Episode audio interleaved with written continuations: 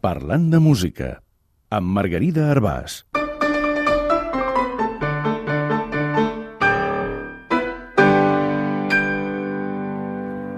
El buzuki i els sistemes d'escriptura.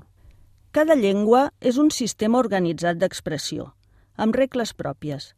I aquesta expressió, que primordialment és oral, parlada, de vegades queda fixada gràcies a l'escriptura.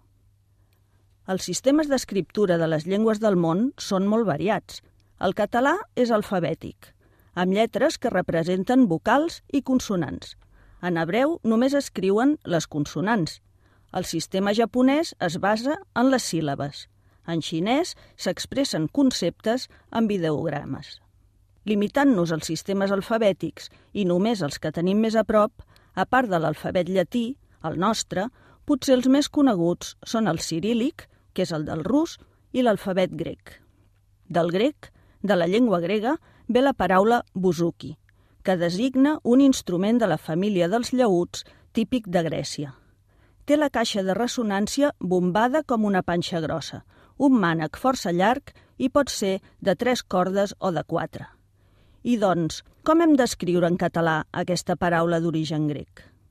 Establir una regla per passar paraules d'una llengua a una altra amb una forma estandarditzada no és senzill quan provenen d'un alfabet diferent, com és el cas de Buzuki. L'Institut d'Estudis Catalans té propostes sobre transcripció del rus, l'hebreu i l'àrab.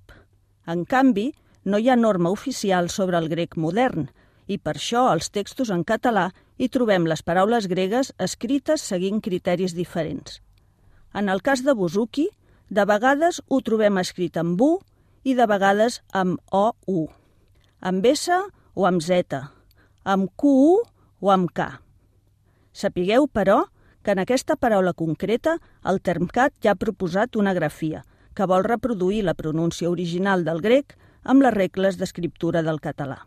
Per tant, probablement el diccionari normatiu acabarà recollint Buzuki escrit B-U-S-U-Q-U-I.